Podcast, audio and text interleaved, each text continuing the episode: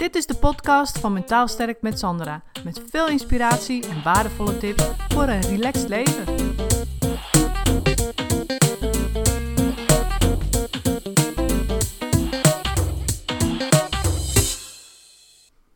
Hey, Sandra hier weer met een nieuwe eh, Zorg voor Jezelf tip. Ik krijg namelijk heel vaak de vraag: hoe weet ik nou wat ik wil?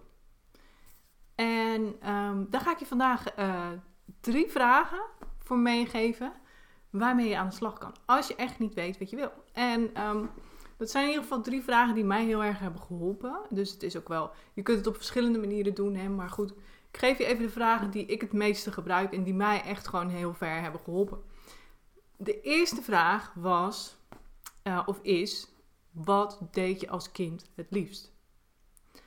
En ik vond dat een hele rare vraag. Toen dacht ik, ja, maar ja, als kind, weet je wel, dan ben je aan het spelen, en aan het zingen, en aan het dansen. En ik was heel veel aan het schrijven en het tekenen. En dacht ik, ja, moet ik daar nou mee, weet je wel?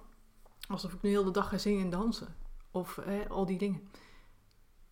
Dat lijkt dan heel gek, hè? Maar het is dus echt zo dat ik dus het schrijven, het tekenen, het zingen en het dansen... dat heb ik gewoon weer teruggebracht in mijn leven. Dus dat is niet iets waar je dan... Um, ja, waar je een carrière van kan maken of zo. Weet je, want dat is vaak ook hoe we denken. Dat we dan, ja, als je, als je op zoek bent naar, je, naar wat je wil in het leven, denken we vaak ook als eerste aan werk. Hè? Dus, dus dat is natuurlijk ook logisch.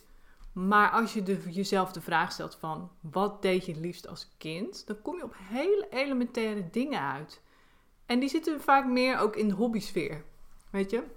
En als je dus al die hobby's ook nog eens kan toepassen in je werk, ja, dat is leuk meegenomen, maar niet altijd voor iedereen haalbaar. Dus als je eens even heel goed stilstaat van wat deed je nu als kind het liefst? Het kan ook zijn dat je veel buiten speelde met vriendinnetjes en dat je nu eigenlijk, ja, misschien heb je wel weinig, weinig sociale contacten of wil je wel eens een keer eigenlijk naar een clubje en gewoon wat meer onder de mensen zijn, maar doe je dat niet? Weet je, dus probeer dat eigenlijk door te trekken ook in je huidige leven. Van ja, hoe kan ik dat dan meer integreren? Gewoon datgene wat ik als kind het liefste deed. En dus wat ik zei, bij mij waren het hele elementaire dingen. Dus schrijven, lezen, dansen, zingen en uh, tekenen. Nou, en dus dat heb ik weer in mijn leven teruggebracht. En ik heb het gecombineerd in dit online initiatief. Maar dat hoeft natuurlijk niet. Als jij het superleuk vond om met je hand of hand te werken, of uh, ja, weet ik veel, graag met klei werkte, of al die dingen Hè, dat kan zijn hè, dat, je, dat je een bepaalde les had, een handwerkles, waar als er gekleid werd, dat jij dan helemaal zat van ja, dat vond ik top. Hè, dat deed ik zo graag. En dat je er nu helemaal niks meer mee doet, dat je het helemaal soort van kwijt bent. Maar als je erover nadenkt, ga je je misschien wel dat soort dingen herinneren. En dan kom je ineens op het idee van oké, ik kleide vroeger heel graag op school. Dus handwerkles was dan, ik zeg handwerkles, maar wij hadden handen nabij, dat bedoel ik natuurlijk. En Ehm, handen naar bij het les. En um, als je dan moest kleien, ja, ik vond het ook hartstikke leuk. Maar als ik dan iets met ijzer en met solderen moest doen, nou, vond ik helemaal niet leuk. Weet je, dus. Um, maar dat kan dan zijn dat je dan ineens bedenkt van, oh ja, wacht even, dat kleien vond ik helemaal fantastisch.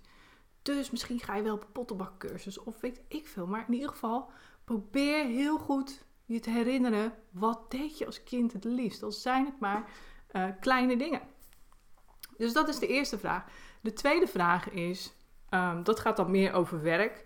Van wat vind je leuk en niet leuk. Nou, hè, dus misschien als je nu een kantoorbaan hebt en vind je het allemaal heel erg en het wringt en je vindt het eigenlijk net niet leuk, ga dan eens stilstaan. Maar van ja, wat vind ik er dan niet leuk aan? Het feit dat ik bijvoorbeeld heel de dag op één vaste plek zit en hou ik, zit ik veel liever in de buitenlucht en heb ik liever uh, afwisselende locaties, dat ik af en toe nog eens kan veranderen van locatie, dat ik eens wat locaties afrijd. Vind ik dat dan misschien leuker? Of um, misschien zit je nu wel alleen te werken. En voel je eigenlijk helemaal niet happy in je werk, weet je niet precies waarom. Nou, misschien komt het wel omdat je liever met mensen werkt. Bijvoorbeeld, hè. Dus ga opschrijven wat vind ik leuk, wat vind ik niet leuk. Of wat vind ik niet leuk en keer het om naar hoe wil je het dan wel hebben? Snap je? Hoe zie je het dan in de meest ideale situatie voor je? En dat is ook de volgende vraag. Dus wat deed je als alles mogelijk was? En je hierin dus niet kon falen. Dus dat het allemaal gegarandeerd een succes werd. Wat zou je dan doen als alles mogelijk was. Het werd gegarandeerd een succes en je zou er nooit in falen. Wat zou je dan het liefste doen? En dan is het belangrijk dat je echt breed durft te dromen. Dat je je helemaal openstelt en dat je echt gewoon alles zo breed gaat brainstormen als je maar kan. En dat gaat opschrijven. En dan zijn dat, dan zijn dat in de eerste instantie misschien dat je denkt, nou, idioot grote dingen. Hè, misschien wil je wel emigreren of in het buitenland ergens een winkel beginnen. Of, maar het maakt niet uit. Ik had altijd de droom bijvoorbeeld om ehm, in al die Middellandse zeelanden, om daar dierenziekenhuizen op te starten. Nou, hele grote droom. En ehm, ja, dat is natuurlijk niet zomaar haalbaar. Maar dan kun je wel bijvoorbeeld denken van, oké, dus ik werk graag met dieren, dus ik wil graag uh, dieren redden. Dus um, ik hou blijkbaar van de Middellandse Zee.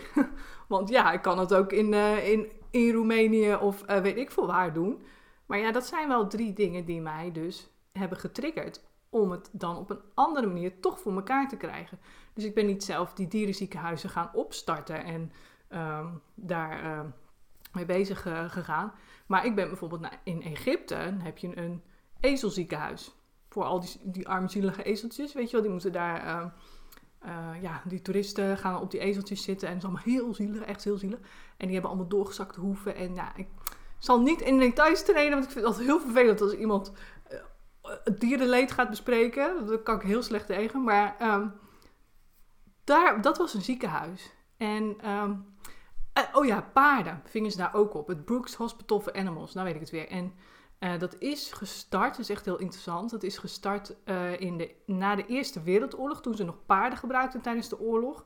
Toen is zij daar een ziekenhuis gestart om die paarden uit die oorlog op te vangen. Dat is echt heel interessant. En nu zitten daar niet alleen paarden, maar ook ezels. Nou, oké. Dus toen dacht ik, oké, dan ga ik daar gewoon naartoe als vrijwilliger. En heb ik geld gedoneerd, weet je wel? Dan heb ik toch op die manier mijn steentje bijgedragen. Of ik ben uh, naar um, Schotland geweest. Dat was een wildlife center. Dan kon ik ook vrijwilliger worden. Nou, heb ik daar uh, geholpen met vooral egels. Er was een egelziekenhuis. Dat is echt heel leuk. Dus uh, daar heb ik heel veel met egels gewerkt. Maar ook met uh, herten en zeehonden. Die werden daar ook opgevangen. Nou, zo ben ik een keer naar Thailand geweest. Dat was een, een, een, een apenopvangcentrum. Ook in Engeland nog een opvangcentrum voor woolly monkeys. Dat zijn dus die apen die eigenlijk als huisdier worden gehouden. En daar natuurlijk helemaal niet, helemaal niet geschikt voor zijn. Dus die kwamen daar ook in een opvangcentrum. Dus heb ik toch met die hele grote droom die ik had. En die ik nog steeds niet heb vervuld.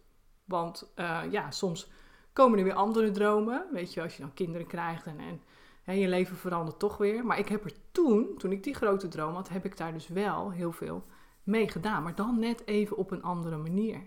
Dus het zet je wel aan het denken over van, dit is wel passie, dit is wel iets wat ik heel graag wil.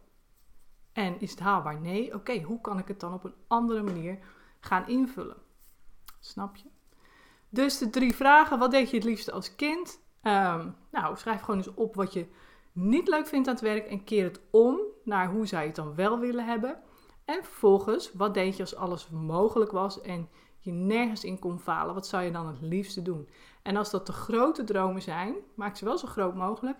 Ga het dan eens terughalen naar, nou, hoe kan ik daar dan stukjes uit doen? He, net zoals ik heb gedaan. Hoe kan ik daar dan op een andere manier toch mee bezig zijn? Dus dat wilde ik eventjes uh, meegeven. En uh, ik hoop dat je wat aan hebt gehad. En nou ja, zijn er nog vragen? Stel ze gerust hieronder. En ik uh, wens jullie verder een hele fijne dag. En ik hoop je weer een beetje geïnspireerd te hebben en verder op weg te hebben geholpen. Doei doei! Bedankt voor het luisteren. Het is mijn intentie om met deze podcast waardevolle inzichten te delen die je kunt gebruiken voor je eigen leven en die je helpen groeien in je persoonlijke ontwikkeling.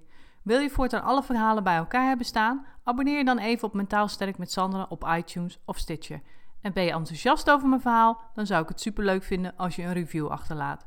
Dat kun je doen in iTunes of Stitcher en geef je bij beoordelingen en recensies een korte review. En ben je echt enthousiast? Geef dan 5 sterren. Dat zorgt ervoor dat ik hoger in de ranking kom te staan en nog meer vrouwen kan inspireren tot een relaxter leven. Mijn dank is groot als je dat even voor me wilt doen. Tot de volgende keer bij een nieuwe uitzending.